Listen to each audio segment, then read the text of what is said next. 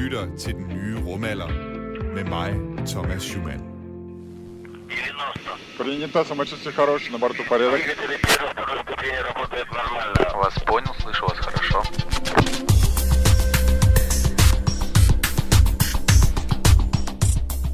Det var russerne, som var de første til at sende både satellitter, dyr og mennesker i rummet. Og Sovjetunionen var også de første til at sende en rumsonde til månen.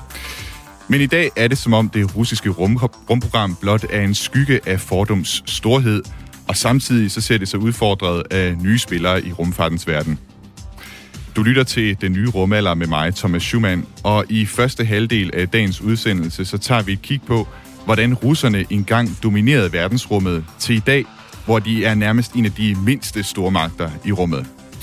Og så skal vi også derudover se på, hvad vi kan forvente os af russerne i fremtiden. Senere i udsendelsen, så skal du høre, hvordan en dansk virksomhed fra Odense er blevet involveret i Indiens planer om at sende mennesker i rummet. Og til sidst i udsendelsen, så runder jeg af med en lille opfrisker på, hvordan det nu er, at vi mennesker overhovedet er i stand til at sende ting i rummet. Hvis du sidder derude og har et spørgsmål til rumfart i det hele taget, så er det noget af det, vi tager op sidst i udsendelsen, når jeg altså har besøg af min praktikant Frederik Ingemann Lyne, som jeg skal tale med om, hvordan vi i det hele taget kommer i rummet. Og det gør vi, fordi jeg har lagt mærke til, øh, nu hvor jeg har fået en praktikant, at der er måske nogle ting, som de fleste mennesker har lidt svært ved at forstå i forhold til, hvordan rummet egentlig fungerer, og som jeg måske har taget for givet i forhold til, hvordan, øh, hvordan sådan nogle ting de foregår.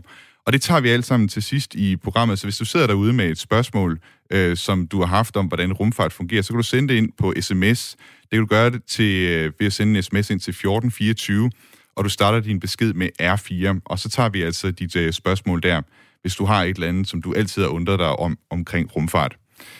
Men allerførst, så skal vi altså tage et kig på det russiske rumprogram. 3, 2, 1, 0. Ignition. Liftoff of the Falcon 9 and Crew Dragon. Go NASA, go SpaceX, Godspeed. For efter det lykkedes SpaceX i år at sende to astronauter op til den internationale rumstation, astronauterne Bob Behnken og Doug Hurley, så har NASA igen fået mulighed for at sende deres egne astronauter op i rummet. Og det er altså i stedet for at være afhængig af at købe sig sæder på det russiske Soyuz-rumskib, sådan som man har gjort siden rumfærgerne gik på pension tilbage i 2011. Den russiske rumfartorganisation Roskosmos, de opererer i forvejen på omkring en tiende del af NASA's budget, så det kan virkelig mærkes, når NASA fremover kommer til at købe færre billetter til rummet hos russerne. Men der var en gang, hvor russerne, altså hvor det var russerne, som overstrålede amerikanerne.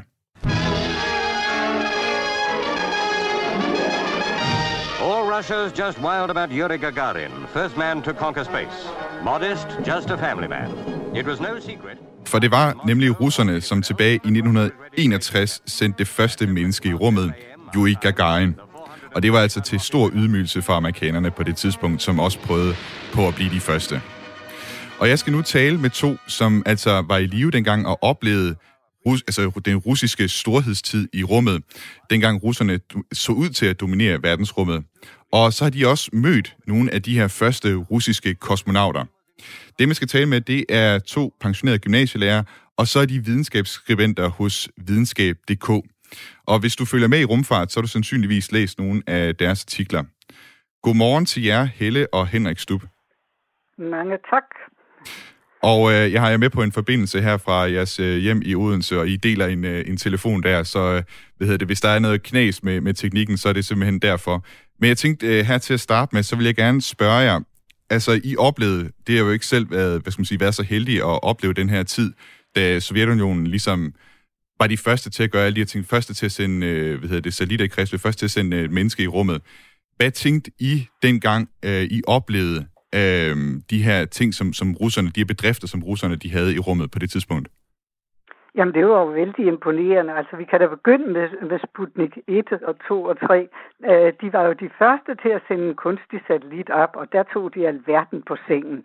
Og vi andre, vi, vi røg jo, jeg boede på landet, så der var god mørk himmel, så vi røg jo ud for at se den her kunstige satellit passere hen over stjernehimlen. Det var ganske vist ikke selve satellitten Sputnik 1, men det var der ingen, der snakkede om. Det var rakettrinnet, som var så stort, det kunne ses. Uh, Sputnik 1 blev opsendt den 4. oktober 1957. Mm. Derefter fulgte Sputnik øh, 2 og 3. Men øh, øh, det er lidt sjovt, for i dag har vi faktisk en årsdag. Det er ikke så Ja. svært, svært at finde med alt det, der er sket i rummet. Ja. For øh, den 14. september for 61 år siden, altså i 1959, der ramte den første øh, satellit fra jorden, eller rumsonde fra jorden, månen. Det var øh, rumsonden Luna 2, der ramte hårdt ned på jorden, på månen, og dannede et krater, øh, fordi det var jo en hård landing. Det var bare meningen, den skulle falde ned. Men man kan bestemt se resterne af sonden, der ligger deroppe, hvis Kan man man det skulle endnu? komme forbi. Kan man stadig se resterne af rumsonden? Ja, ligge altså deroppe? hvis man skulle komme forbi Nå, på månen, forbi, ja. der sker Ja. jo ikke så meget. Nej. Tingene bliver jo liggende, hvor de ligger, ligesom øh, de seks øh, Apollo-landingssteder. Så der vil være rige turistmuligheder, hvis man skulle komme forbi. Det var en serie på tre, der alle fandt sted i 1959. Luna 1, den skulle bare øh, nå månen. Den fløj så 6.000 km forbi, men det var godt i, i første forsøg. Og Luna 3, der fulgte efter den her forlanding, den blev opsendt på øh, øh, rumalderens den 4. oktober 1959. Og Luna 3 blev den første, der viste os billederne af månens bagside. Og så fik vi for alvor øh, jo et signal om, at Sovjet var en rummagt, som vi skulle tage hensyn til. Ja. Og dengang så, så mente man, at øh, russerne nok også ville blive de første, som nåede til månen. Men Så, så de så ud til, de så ud til ligesom at, og, hvad skal man sige, de øh, rydde hele bordet her. Og jeg kan forstå... Det gjorde de i høj grad, ja. Ja, og, og, og Henrik, som, vi har ikke hørt fra dig endnu, men uh, Henrik, jeg kan forstå, at du, øh, du har mødt Yuri Gagarin, som altså var det første menneske i rummet nogensinde. Hvordan var det? Hvad, under hvilke omstændigheder var det, du mødte ham? Og han var, han var jo på rundrejse efter sin øh, øh, flyvning, og jeg var medlem af Rumfartsforeningen. Jeg var så heldig, at Asger Lundberg sørgede for at komme, til, komme med, hvor han var på, på møde med. Jeg, jeg, jeg har ikke sådan direkte snakket med ham. Det, det, var, det var jeg for ung til dengang. Men han gjorde et stort indtryk på mig, fordi han var sådan en, en meget vestlig, åben og udadvendt type. Han minder, egentlig, minder mig egentlig i dag om øh, Andreas Mogensen. Okay. Altså, jeg kan godt, jeg kan godt forstå, at øh, øh, Gagarin blev den første øh, russer i rummet, fordi han havde alle de personlige egenskaber, der skulle til at være en god ambassadør for Rusland. Han var ikke sådan en, en rigtig øh, gumpetung russer, som man sikkert er, er forestillet sig dengang i, i sovjettiden, men, øh, men egentlig sådan en åben, venlig og udadvendt, en, virkelig en, en Andreas Mogensen-type. Mm. Der går jo en, en lille øh, sikkert forkert historie om ham, øh, af hvor grunden til, at han blev blandt andet valgt som den første, da de skulle se rumskibene. Øh, da chefkonstruktør Korolev skulle vise dem der, det rumskib skulle op med, så var han den eneste, der var så smart, at han tog sine støvler af, før han satte sig ind på plads i det, i det, i det fine nye rumskib. Det, det gjorde vist indtryk. Og det, og det var derfor, han blev valgt til, til at være den første, Nej, det, det er ikke derfor. Nej, det er de, de, de historier, der er, men han, Okay. han, er- han, han, han udskilte sig. Han, var, han havde den rette personlighed, Ja. det vil jeg sige. Det, det havde han rent faktisk også. Desværre døde han jo altså i 1968 ved, ved en flyulykke. Ja. Det, det skete jo, øh, de her folk, de, øh, de fløj jo også nogle eksperimentelle flyvemaskiner, som var piloter og sådan noget. Det skete jo også og hos amerikanerne, der døde nogle astronauter på den måde der. I også, øh, kunne jeg forstå, begge to mødt den første person til at lave en rumvandring, altså den første person til at forlade sit rumskib. Det var også russerne, der, der lykkedes med at gøre det først. Øh, Alexei øh, Leonov. Hvordan var det at møde ham? Øh, han er en stor personlighed. Jeg vil sige, at øh, uden at have kendt Gagarin, så minder han nok meget Undskyld, øh, er I der endnu, Henrik og Helle? Henrik og Helle, er I der endnu? Jeg tror, vi mistede forbindelsen her til Henrik og Helle. Jeg prøver lige at ringe dem op igen. Og øh, så kan jeg i øvrigt sige, altså, at øh, noget af det, som vi skal kigge på, det er altså, nu taler vi jo her om, øh, om øh, hvad skal man sige, hvordan det russiske rumprogram det var øh, i sin tid. Og noget af det, som vi skal tale om senere, det er altså også, hvad skal man sige, hvordan det så går, det russiske rumprogram i dag. Jeg prøver lige at se, om jeg kan få dem ringet op her igen, øh, om det lykkes mig. Hej igen. Det var en lille afbrydelse.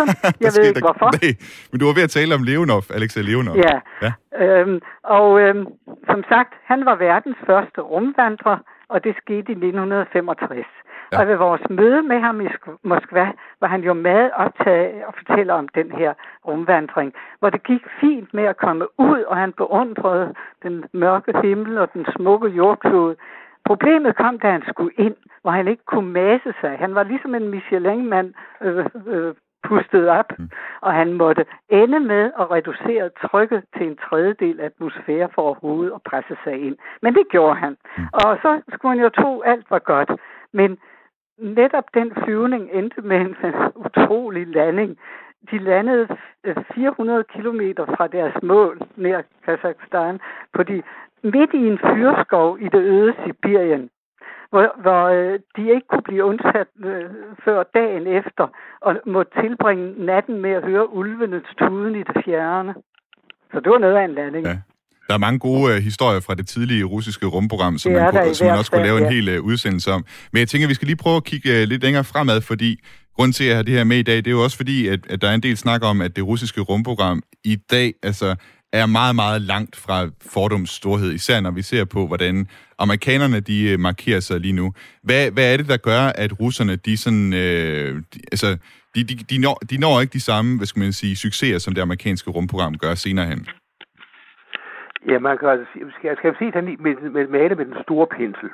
Øh, så jeg kan sige, at der var en startperiode, hvor begrundelsen for rumprogrammet, det var militært, og det var propagandamæssigt. Så kom jo Sovjetunionens sammenbrud, og det hele stort set, øh, det brød virkelig for alvor sammen. Og øh, der, var det altså, der var det hele virkelig ved, ved at gå i vasken. Hvad kunne russerne gøre? Øh, det de gradvist fandt frem til, det var at overleve for enhver pris. Det var ved at, at sige, vi bygger raketter, der er billige. Øh, og så kunne de prøve på at sælge opsættelser. Det gik også, det gik også meget godt øh, et stykke tid i hvert fald. Men det er jo ikke noget, man kan skabe et, et, et, et stort og vejet rumprogram på at være billige taxachauffører. Så kunne vi have det et monopol. Amerikanerne var dumme nok til at ikke at kunne sende mennesker op i 10 år i rummet. Det er noget, det er rene pjat, men altså, øhm, det kunne russerne så tjene, tjene nogle penge på at sende kosmonauter op. Men stadigvæk, man manglede en fælles øh, øh, vision for, for fremtiden. Hmm. Og den, den har man i sådan set stadigvæk ikke. Og det, det der er sket, det er, at øh, Rumprogrammet har lav prestige. Der er en plade af korruption. Det er plaget af manglende kvalitetskontrol, således at deres protonraket, der var deres store flagskib til at sælge, det, det, har, det fungerer ikke ret godt, og derfor er det svært at sælge opsættelser på det. Det er ineffektivt, og så er de unge ingeniører, øh, de har ikke rigtig lyst til at søge det. Så de er, altså, de er sådan lidt inde i en, en ung cirkel for øjeblikket. Jeg kan nævne som en, en meget interessant ting, at da det nye kosmonauthold skulle udvælges for nylig, der måtte man forlænge ansøgningsfristen med et halvt år for at få ansøgere nok. I Vesten står folk på nakken af hinanden. Andreas Mogensen skulle jo kæmpe med 8.000 for, for at få en plads øh, som europæisk astronaut. Her har man altså skulle udskyde ansøgningsproceduren. Fordi det simpelthen ikke er prestige nok i, det, i rummet øh, for tiden i Rusland, eller hvad? Ja, der er ikke, der er ikke rigtig prestige i det øh, i, mm. i, i Rusland for øjeblikket. Øh, Putin forsøger jo nu at uh, genopleve det. Øh, men med, med meget held, det er altså det er svært at sige, fordi at de har altså nogle, struktur, de har nogle strukturelle problemer øh, i det russiske rumprogram, som er, svære at, som er ret svære at overvinde. Ja, og jeg kan også, det overrasker jo egentlig mig med, med, med, med den fortid, øh, Rusland har i rummet, at de jo kun har en tiende del af det budget, som, som NASA har om året. Altså det er omkring 2 milliarder øh, dollars, der går til det, øh, det russiske rumprogram. Og øh, jeg har faktisk talt med en øh, russisk journalist om netop, hvad skal man sige, noget med de her penge, fordi som jeg nævnte tidligere, så øh, en af de indtægter, Rusland har haft, det har simpelthen været at sende øh, astronauter op til den internationale rumstation. Blandt andet de amerikanske astronauter for, øh, for NASA, eller primært kan man sige de amerikanske astronauter, ud over deres egne astronauter, så øh, Europas astronauter. Og, øh, og jeg spurgte øh, ham, øh, han hedder Michael Kotov, han er han skriver for Popular Mechanics, og altså rumfart øh, journalist i, øh, i Rusland. Og jeg spurgte ham ind til det her med, hvor meget det betyder for det russiske rumprogram, det her med, at amerikanerne nu altså selv kan sende deres egne astronauter i rummet. Uh, for the Russia, it is not so good because of the money loss uh, by, uh, which Roscosmos received uh, for the uh, astronaut flights on Soyuz.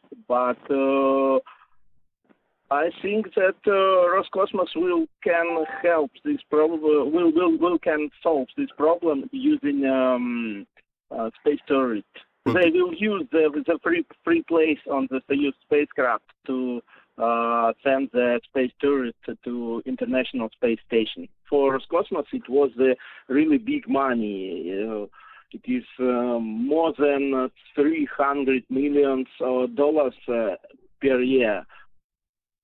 Ja, så han siger her, at øh, altså, det er virkelig skidt for Roskosmos, det russiske rumprogram, at, øh, at de, øh, de står til at tabe en masse penge, omkring 300 milliarder øh, dollars, nej, undskyld, 300 millioner dollars øh, om året.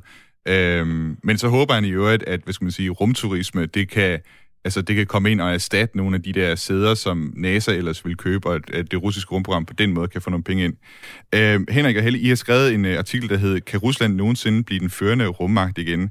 Jeg tænkte på, vil, vil I prøve selv at besvare det, øh, det spørgsmål om, hvordan, hvad ser vi, hvad har vi udsigt til i det russiske rumprogram? Jeg tror ikke, at de kan komme op på siden. Deres handicap er især, at de bliver ved at sådan, øh, forbedre eller bruge deres gamle teknik. Det har jo fungeret godt i rigtig mange år, og de kommer ikke rigtig ud over kanten der.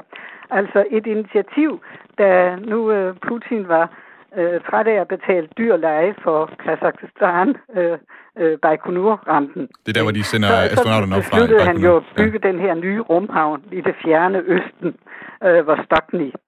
Øh, det, startede, det projekt startede i 2010, og har siden da været plaget voldsomt af korruption og strejker og manglende lønudbetalinger, så det går ikke rigtigt. Der øh, har hele tiden været stridigheder mellem Roskosmos og Putin, og det afspejler sig jo også i, at de først fik opsendt den, de, den første raket i 2016 med tre satellitter ombord, det, det var sådan et eksperimentelt forsøg. Det gik i og for sig godt, men i alt har der kun været opsendt fem øh, raketter derfra. Der og det er jo det, deres sværeste, sværeste handicap er at handle op med Elon Musk og SpaceX, der er i fuld gang med genbrugelige rakettrin. Ja. Og det kan russerne jo overhovedet ikke tilbyde. Jamen altså... Og så er der også, ja. Er det simpelthen den, men det lyder også som om, det er en af de store udfordringer, det er simpelthen korruption øh, i det russiske. Øh, det er en meget stor udfordring, og så de her øh, dygtige russiske ingeniører, de synes jo, det er udkants Rusland. Der er ikke rigtig nogen, der altså selv gider at flytte til øh, Vostokny. Okay. Så det er et stort problem. Så er der også noget med brændstoffet. Altså amerikanerne har jo i mange år siden månelandingerne behersket brugen af flydende ilt og brint. Og det gør de simpelthen ikke i Rusland. De øh, satser på de gamle. Altså, hvem vil købe en petroleumsraket, hvis man kan køre med flydende ilt og brint?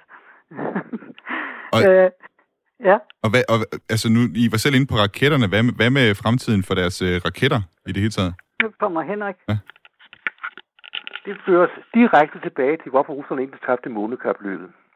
Øh, der er en historie, der fører sig helt frem til den moderne tid. Et af de, øh, for det første kom russerne været sent i gang med at bygge deres måneraket. Men den var så stor, at den ikke kunne ikke transporteres med, med jernbanevogn ned til Baikonur. Den skulle så at samles på stedet, hvilket gav et enormt problem med at skulle samle en kæmpe raket øh, øh, helt, der, helt derude i ødemarken. Nu har Putin bedt russerne om at bygge en stor superraket.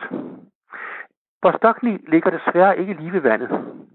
Det vil sige, at de bygges vestpå, skal køres østpå, og det med den transsibiriske jernbane, der er pænt mange tunneler og sving og ting og sager. Og hvad gør man så? Så bliver man nødt til at bygge en mindre raket øh, sige, man bygger deres superraket, den bygger de sammen med syv booster, der er mindre, og så en, en central raket, så de hver for sig kan transportere løsdelene. Det er ikke nogen særlig god løsning, men det er et transportproblem. Amerikanerne er jo heldige, de kan sejle tingene til Cape Canaveral. Ja. Altså, det er, det er, jo, det er jo en enormt øh, problem for russerne, det der. Øh, så øh, ja, den der raket, som, som Putin snakker om at bygge, den har lovet skal være færdig i 2028, og det er der ikke nogen, der, der, der tror på det. Den kan sende 100-120 ton i bane omkring jorden. Kineserne arbejder på en raket faktisk, der er større. Mm. Så altså, det er... Det er, et, det er, de er, det lukket sig ind i et dumt hjørne, og de ligger altså også dumt, fordi alting skal transporteres. Og kineserne har lagt deres nye rumhavn ved en ø, så de kan sejle tingene dertil. Og øh, det der med de, med de syv boosterraketter til den nye superraket, det er simpelthen for at kunne transportere dem med tog. Ja. Så de har nogle udfordringer der sådan rent øh, i forhold til, hvad de har valgt med, med deres raketter, kan man sige. Ja. ja. Altså, det er, en for, det, det er faktisk en fordel at have, have havadgang med, med meget store raketter, fordi det er altså nemmere at sejle store ting, end at, end at, end at og, og køre med, med, med tog. Ja. Henrik øh, og øh, Helle Stub, jeg vil gerne sige øh, tak, fordi I var med og fortælle øh, så levende om, om det russiske rumprogram og om jeres, øh, hvad skal man sige, også jeres møder med, med nogle af de her russiske kosmonauter. Det må, jeg er meget misundelig, må jeg sige. Det er tak. Ja, I må have det godt. Tak lige måde. Ja, hej. Og øh, så skal vi videre til, øh, fordi det russiske rumprogram har også, der er også en dansk forbindelse i det her. I øh, til næste år der vil russerne opsende et øh, nyt øh, rummodul op til deres øh, op til den internationale rumstation, som hedder Nauka. Det har været 10 år forsinket. Og faktisk så har øh, danske, en dansk virksomhed været med til at udvikle en komponent til det her rummodul, øhm, og det er virksomheden Thermaspace.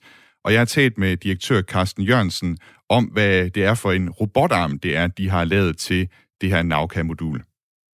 Rent tilfældigt har vi flere fingre med om den robotarm, men øh, vi taler jo tilbage til 90'erne. Og øh, det, der sker, øh, det, nu skal lige sige, det vi har lavet, det er blandt andet den øh, software, der sidder i robotarmen, som øh, øh, styrer robotarmen. Øh, og for eksempel kan få robotarmen til at, at gå hen over rumstationen. Det andet, vi har lavet, det er en såkaldt øh, vådmodel, wet model, øh, hvor vi laver en, simpelthen en model af robotarmen, som øh, astronauterne dengang trænede med i store bassiner. Så vi har haft rimelig meget med robotarmen at gøre. Og øh, hvordan kommer vi øh, øh, på det? Jamen, det gør vi rent faktisk dels på grund af Ørsted-satellitten. Øh, fordi at øh, den software, nu tager vi softwaren, den software, der skulle ombord øh, på robotarmen, det øh, var på daværende tidspunkt, hvis, og hvis ikke jeg tager meget fejl, er det stadigvæk det mest øh, safety critical software, der skulle laves. Og det skulle laves i et bestemt sprog, der hed ADA, og det havde vi gjort på Ørstedsadmin. Og så får vi simpelthen en forespørgsel fra øh, det, der dengang hed Dodge Space, det var dem, der havde hovedkontrakten, om vi kunne lave det. Det er, hvad du lige bliver nødt til at forklare, fordi det er nok ikke alle, der ved helt præcist, hvad delen en robotarm er. Altså jo, en robotarm, det kan de fleste måske godt forestille sig.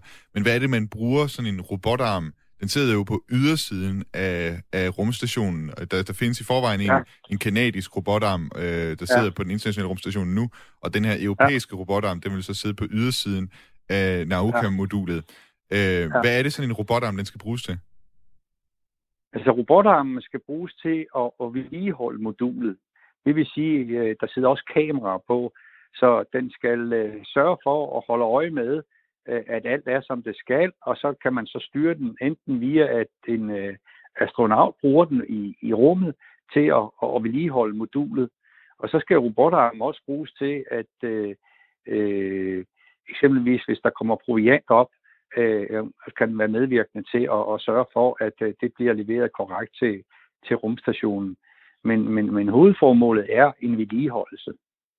Det var det i hvert fald dengang. Jeg ved ikke, om de har fundet ud af, at vi kan bruge den på anden måde. Nej, og øh, det leder mig egentlig videre til min næste spørgsmål, fordi du siger, I var i gang der i 90'erne med den. Hvornår, mm. hvornår regnede I med, at det her, den her robotarm og sammen med Nauka-modulet skulle være i rummet? I, øh, jeg mener, det var omkring år 2000, der, der skulle vi være færdige. Øh, eller vi, vi var færdige i 97-98 rent faktisk med det, vi lavede.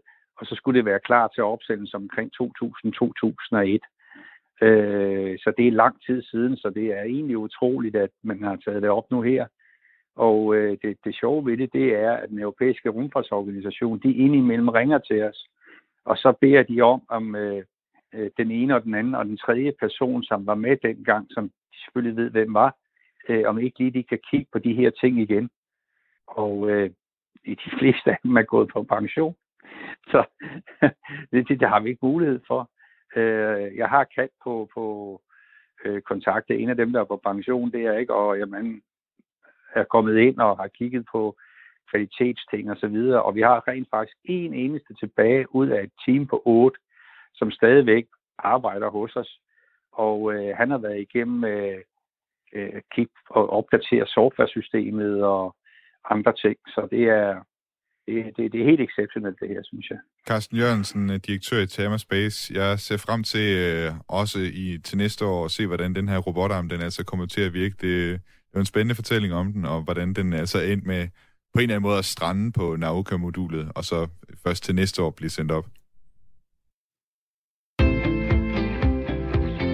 Du lytter til den nye rumalder med mig, Thomas Schumann.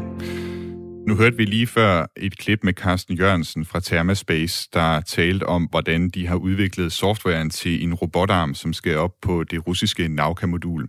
Og vi bliver lige ved de danske virksomheder, som altså arbejder med rumprogrammer over Østpå, fordi Øh, en dansk virksomhed fra Odense, Danish Aerospace Company, de er nemlig for nylig indgået en kontrakt med, øh, eller de er for nylig indgået et partnerskab med Indien om at levere komponenter til det indiske rumprogram.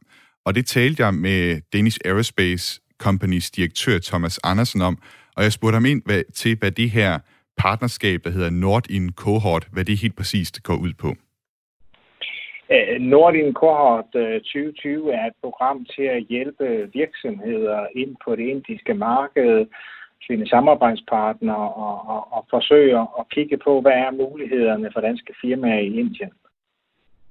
Og, og, og for Danish Aerospace, der er det jo øh, ekstremt interessant, øh, eller er blevet ekstremt interessant de seneste år, i og med, at Indien jo har startet et ret ambitiøst bemandet rumprogram.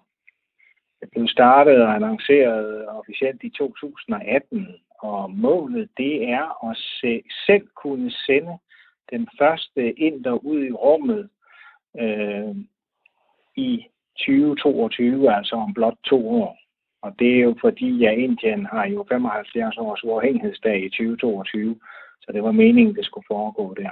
Okay.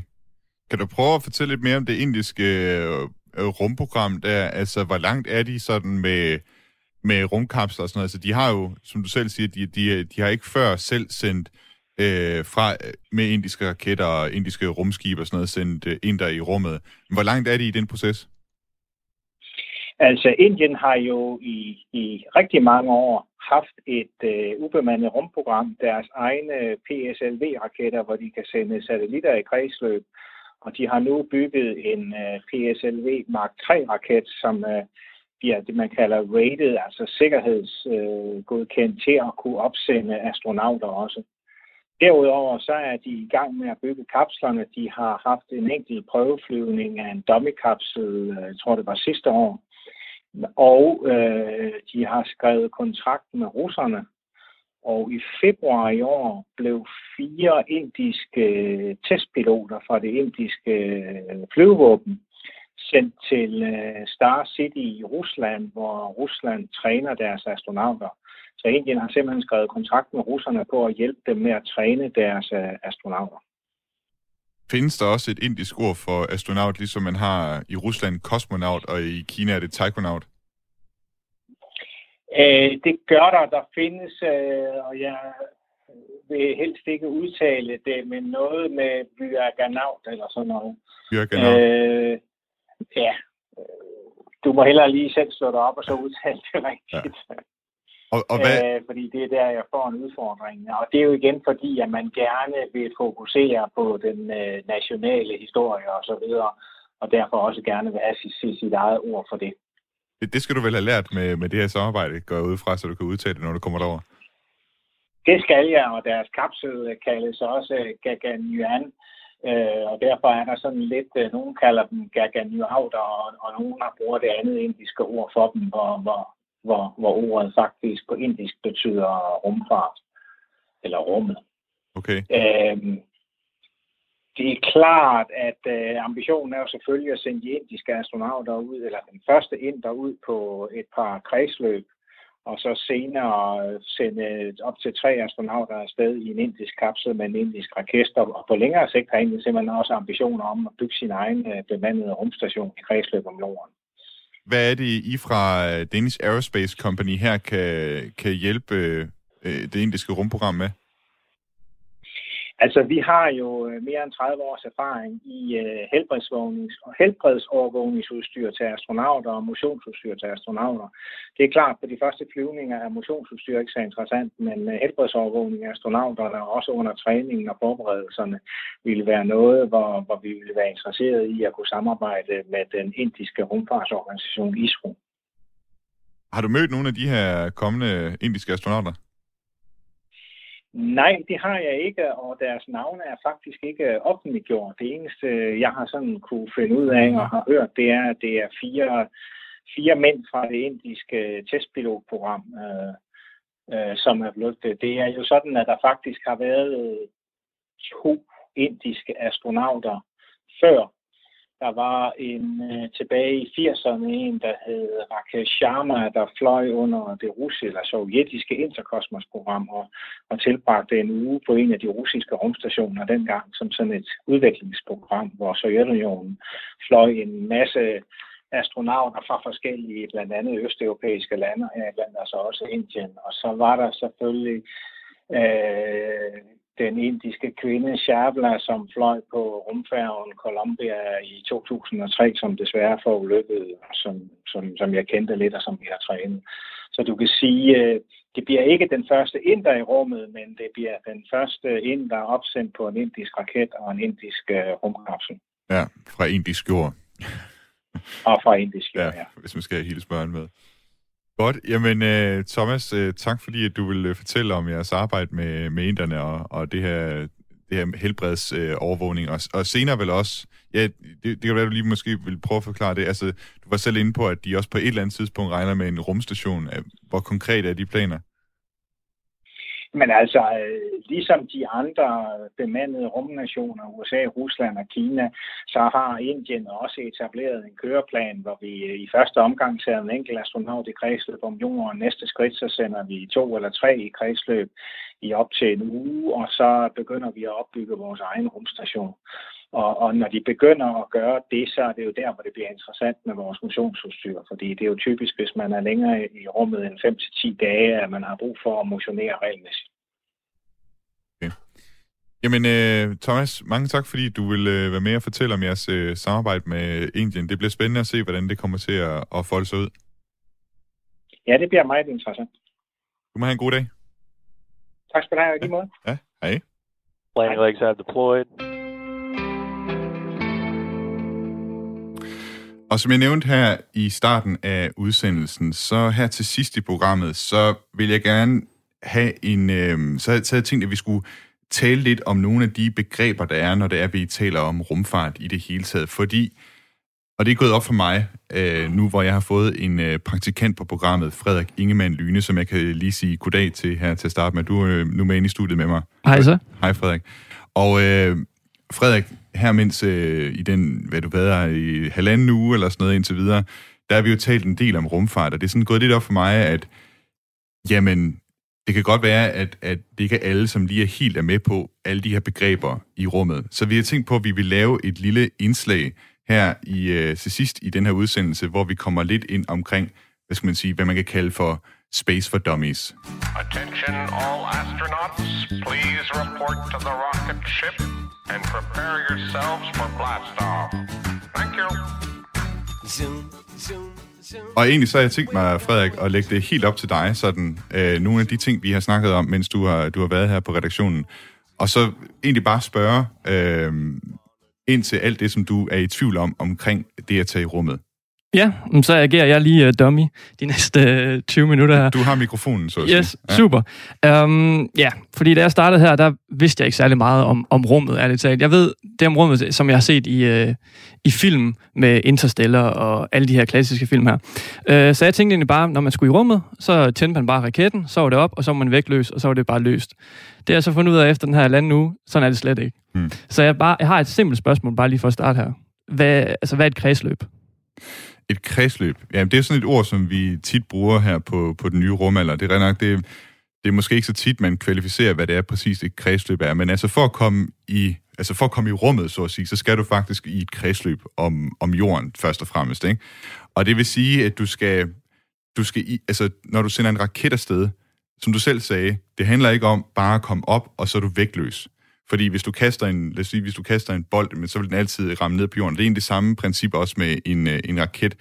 Øhm, så hvis du bare skyder den opad, så vil den også falde ned igen, altså medmindre den er tilstrækkeligt kraftig til at, at bryde øh, jordens øh, tyngdekraft. Det, det, man gør, det er, at man sender raketten op, og så egentlig så kører man, i stedet for at køre øh, direkte opad, så kører man langs med horisonten. Og det vil sige, at man skal have så meget fart på, at du falder faktisk sidelæns. Du falder sidelæns rundt om jorden.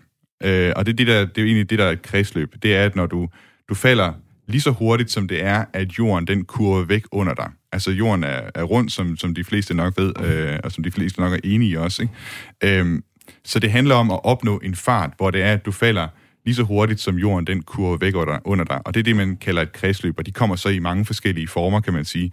Altså, hvad skal man sige, hvor, afhængig af, hvor højt du er op, ikke? Altså, mm. hvor meget fart du har i dit kredsløb. Jo mere fart du har, jo, jo længere væk kommer du fra, fra jorden. Men det handler simpelthen om, at jordens tyngdekraft er hele tiden en påvirkning på dig.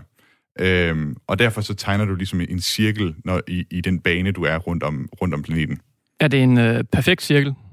Det er ikke en helt perfekt cirkel. Det var det, som øh, Johannes Kepler han fandt ud af, da han kiggede på øh, de kredsløb, som planeterne er. Fordi ligesom at øh, hvad skal man sige, rumskib kan være i kredsløb om jorden, så er planeterne jo også i et kredsløb om solen.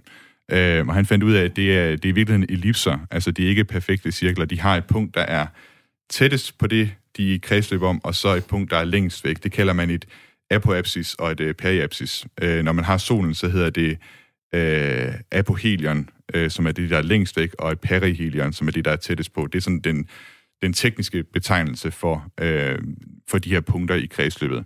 Og øh, jeg mener faktisk nok, at, at meget sådan, kan, hvad skal man sige, ikke særlig intuitivt i hvert fald, at jordens øh, perihelion, altså det tidspunkt, den er tættest på solen, det er faktisk, øh, mens det er vinter her på, på, de nordlige, på den nordlige mm. halvkugle. Ja. Ja, det vidste jeg ikke. Nej. Øhm, jeg lader mærke til, at du sagde noget med, hvis man kan bryde jordens tyngdekraft. Hmm. Altså, hvordan kan man det? Det vil simpelthen sige, at du, du rejser så hurtigt, at øh, jorden kan ikke øh, holde dig tilbage. Okay. Kort sagt. Altså, enhver, enhver, et hvert læme, altså alting med masse i, i universet, har en bestemt øh, tyngdekraft, og kan man så også, altså afhængig af dens masse, og, øh, og trækker, så at sige, i ting. Og, og derfor så, der, er- altså, men, men hastighed er et spørgsmål, altså det er med hastighed, du ligesom kan bryde den kraft, ikke?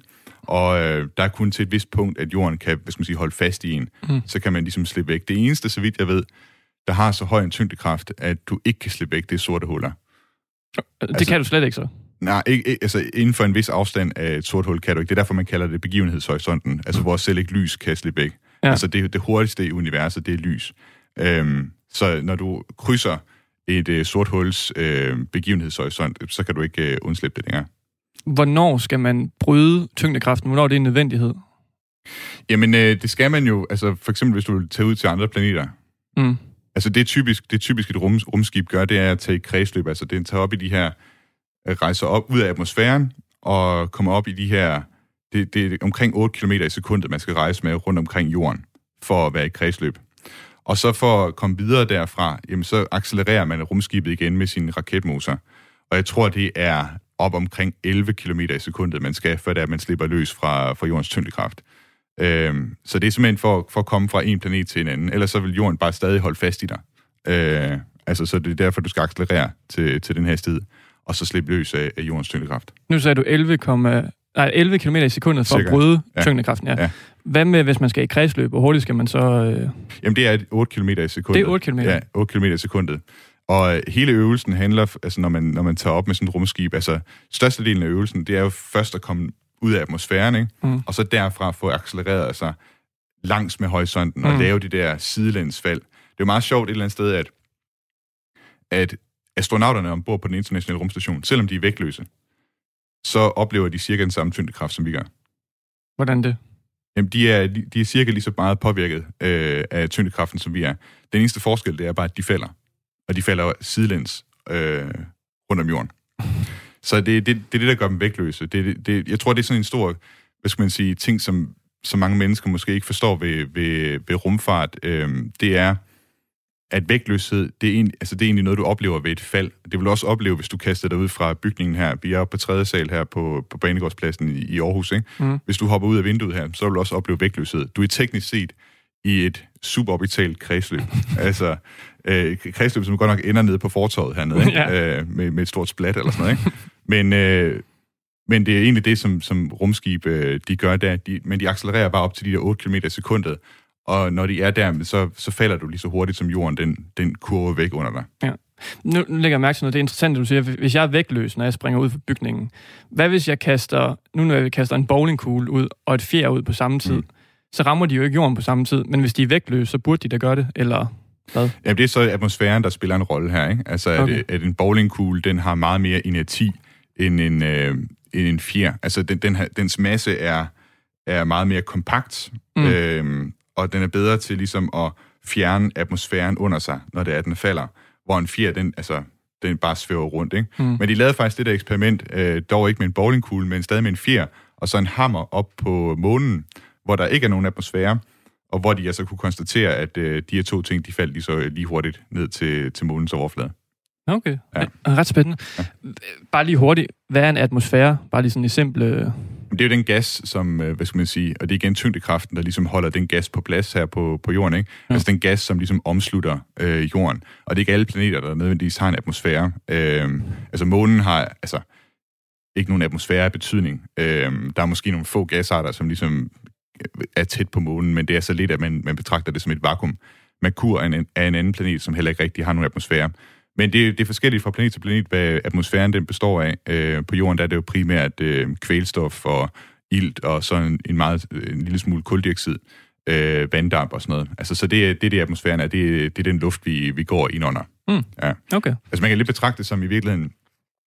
Altså, i, i det, der hedder fluid dynamics, så kan man betragte det lidt ligesom en væske i virkeligheden, ikke? Mm. Øhm, og det er også det, du ser, at, at flyver og sådan noget, kan du også se lidt som, som, som fisk, der i virkeligheden ligesom flyver gennem øh, det her medium, ikke? Altså, som, som bruger det til at holde sig op, ikke? Øhm, og på samme måde, altså, øh, jeg tror, det er, sådan, det er nok egentlig sådan, man, man, man meget godt kan betragte øh, atmosfæren også. Okay. Ja. Hvis der ikke er nogen atmosfære på månen, kan jeg så gå i kredsløb bare lige sådan få centimeter over månen? I teorien, ja. Altså, det vil du også i teorien kunne gøre her på jorden.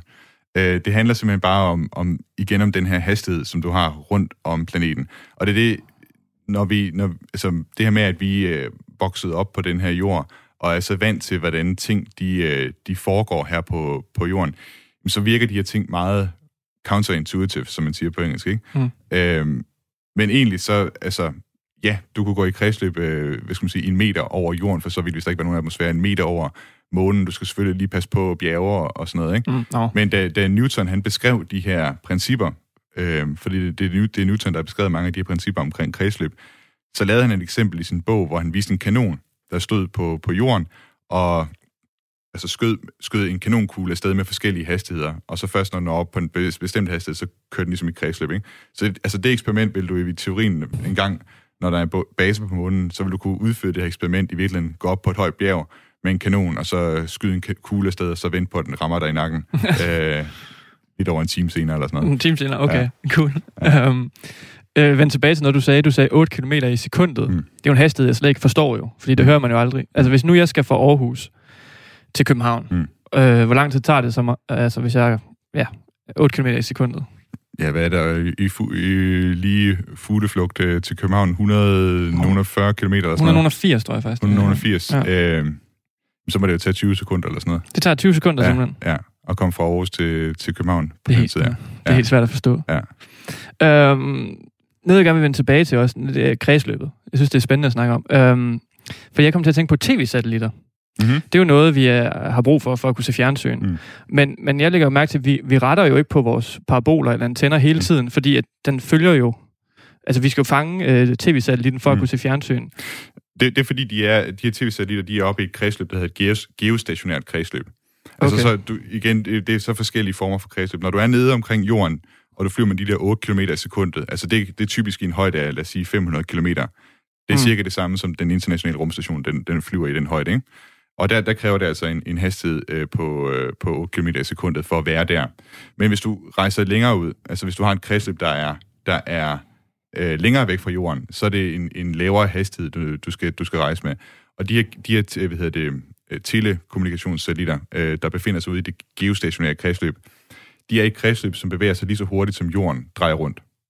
Og det betyder, at fra jordens perspektiv, så står de stille, fordi de ligesom er synkroniseret med jordens øh, omløbshastighed. Mm. Og det er ude i, jeg tror, det er ude i 33.000 øh, kilometers højde af det, at øh, de her geostationære kredsløb øh, befinder sig. Øhm, og, altså, øh, og hvor man har den hastighed, som jorden også bevæger sig rundt med, ikke? Jo. Det, det, er, det er lidt mindblowing på en eller anden måde, ja. Når du begynder bare at smide tal ud, der er alt for store, jeg slet ikke kan forstå. Ja, øhm, ja spændende. Øh, jeg kom lige til at tænke på også, hvad hedder det, øhm, med, med kredsløb. Altså, har, har alle, altså alle planeter har et kredsløb? Ja, altså alle planeter i, i solsystemet har et kredsløb omkring solen. Ja. Altså i vores solsystem? Ja, og i virkeligheden også alle andre. Altså, må man formode, ja. Ja. Altså, alting er i virkeligheden et kredsløb, kan man sige. Altså, der er altid en eller anden... Tyngde, tyngdekraftens påvirkning er, er i teorien uendelig. Det er bare et spørgsmål om, hvad skal man sige, hvad der er den største øh, påvirkning. Ikke? Okay. Øh, og så når det kommer ud til et vist punkt, så er den så lille, at det ikke rigtig har nogen betydning. Ikke? Mm. Men det vil sige, at alle stjernerne i vores galakse har et kredsløb rundt om galaksens centrum. Og øh, i hver af de her solsystemer er det typisk stjernen, der er den mest massive, altså det, den tungeste objekt. Mm. Så planeterne har altså et kredsløb rundt om omkring øh, stjernerne der. Altså, man kan ikke undgå, øh, kan man ikke bryde, hvis man vil komme ud for, forbi galaksen og solsystemet? Der må jo være noget ude bagved, kan man sige, eller et eller andet. Jo, altså du kunne godt i teorien bryde galaksens tyngdekraft, ikke? Altså ja. det handler, handler egentlig bare om acceleration, altså accelerere dig hurtigt nok derud. Øhm, og derude, så kan man sige, jamen, altså der vil tyngdekraften være så, altså når du kommer tilstrækkeligt langt ud, så vil tyngdekraft, altså påvirkningen vil være så lav for alle andre ting, at, altså, at man kan regne den for nul i virkeligheden. Mm. Men det vil stadig være der, og jeg tænker sådan over tid, så vil, øh, så vil man nok øh, blive fanget ind af et eller andet, ikke? Mm. Og så trækker, trækker tyngdekraften ind i retning ikke? Af, af den ting. Ja, okay. Jeg kan jo ikke lige se, øh, øh, vi har fået nogle sms'er. Jeg, jeg bad også folk om at skrive ind, hvis de havde nogle spørgsmål her til sidst, ja. øh, om, om nogle ting, de gerne ville have forklaret. Og Claus han har skrevet ind, øh, han vil gerne have forklaret Delta V. Og, øh, og det ved jeg ikke, har du hørt, har vi talt om Delta V før, Frederik? Det tror jeg ikke, så det er du også nødt til at forklare mig. Delta V, det er også et begreb inden for, inden for rumfarten, og igen, når, når man taler kredsløb, meget relevant. Øh, delta, det betyder forskel, og, og V, det betyder hastighed. Så det er forskel i hastighed.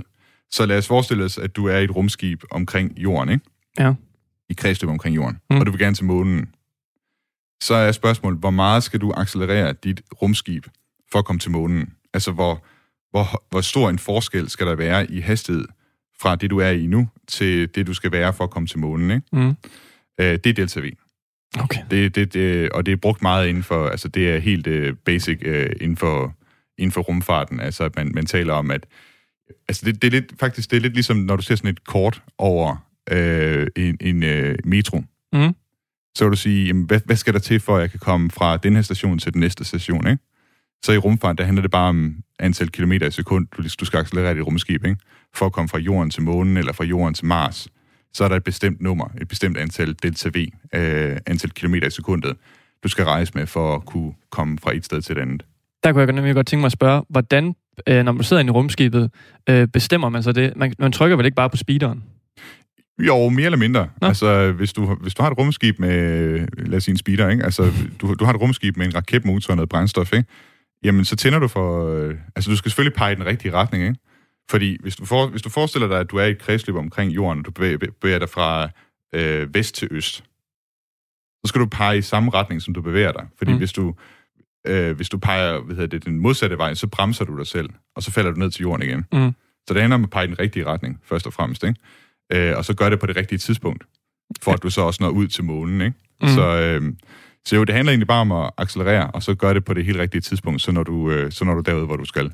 Og det er jo en stor, altså, det er sådan noget, de bruger supercomputere til at udregne mange af de her ting, øh, finde ud af, hvordan man gør, øh, kommer fra det ene sted til det andet. Okay, så de sidder ikke bare med et ret og en speeder og...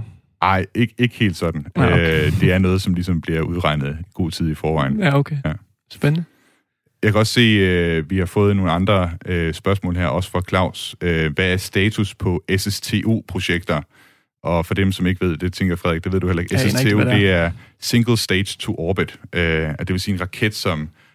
Altså, hvor du har hele raketten, og den kommer hele vejen i kredsløb. De fleste raketter, de er brudt op i trin for at nå op til den der hastighed på 8 km i sekundet. Og øh, han skriver, Claus, øh, Reaction Engines fra England øh, er på vej med deres Saber-motor.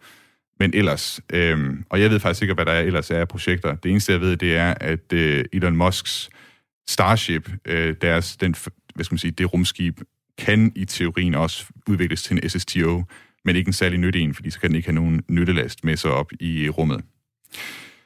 Jeg kan jo også se, øh, Frederik, vi er ved at nærme os det sidste minut her, så... Øv. Ja, jeg ved ikke, har du et sidste spørgsmål, du vil nå? Ah, nu har jeg flere spørgsmål. Jeg jeg har næsten lyst til at gemme dem til næste gang, for jeg har mange flere egentlig. Okay. Vi må, tage det, vi må tage det på et andet tidspunkt, så Frederik, det har i hvert fald mm. været fedt at have dig med herinde og tale sådan lidt, øh, lidt lø- løst om, om det her. Øh, tak skal du have, for at du var med. Jamen selv tak. Og med det er vi nået til vejs inden for dagens udsendelse af Den Nye Rumalder. Hvis du har ris, ros, øh, kommentar eller anden feedback, du vil sende ind til øh, mig på Den Nye Rumalder, så kan du gøre det på ved at sende en mail til den nye rumalder snabelag, snabelag radio4.dk. Undskyld. Du kan som altid lytte med igen på næste mandag, og ellers så kan du finde gamle udsendelser inde på Radio 4's hjemmeside, eller på Spotify eller Apples podcast player. Indtil vi lyttes ved, lyttes ved igen, så vil jeg bare sige tak og en god, ønsker en god uge. Ad Astra.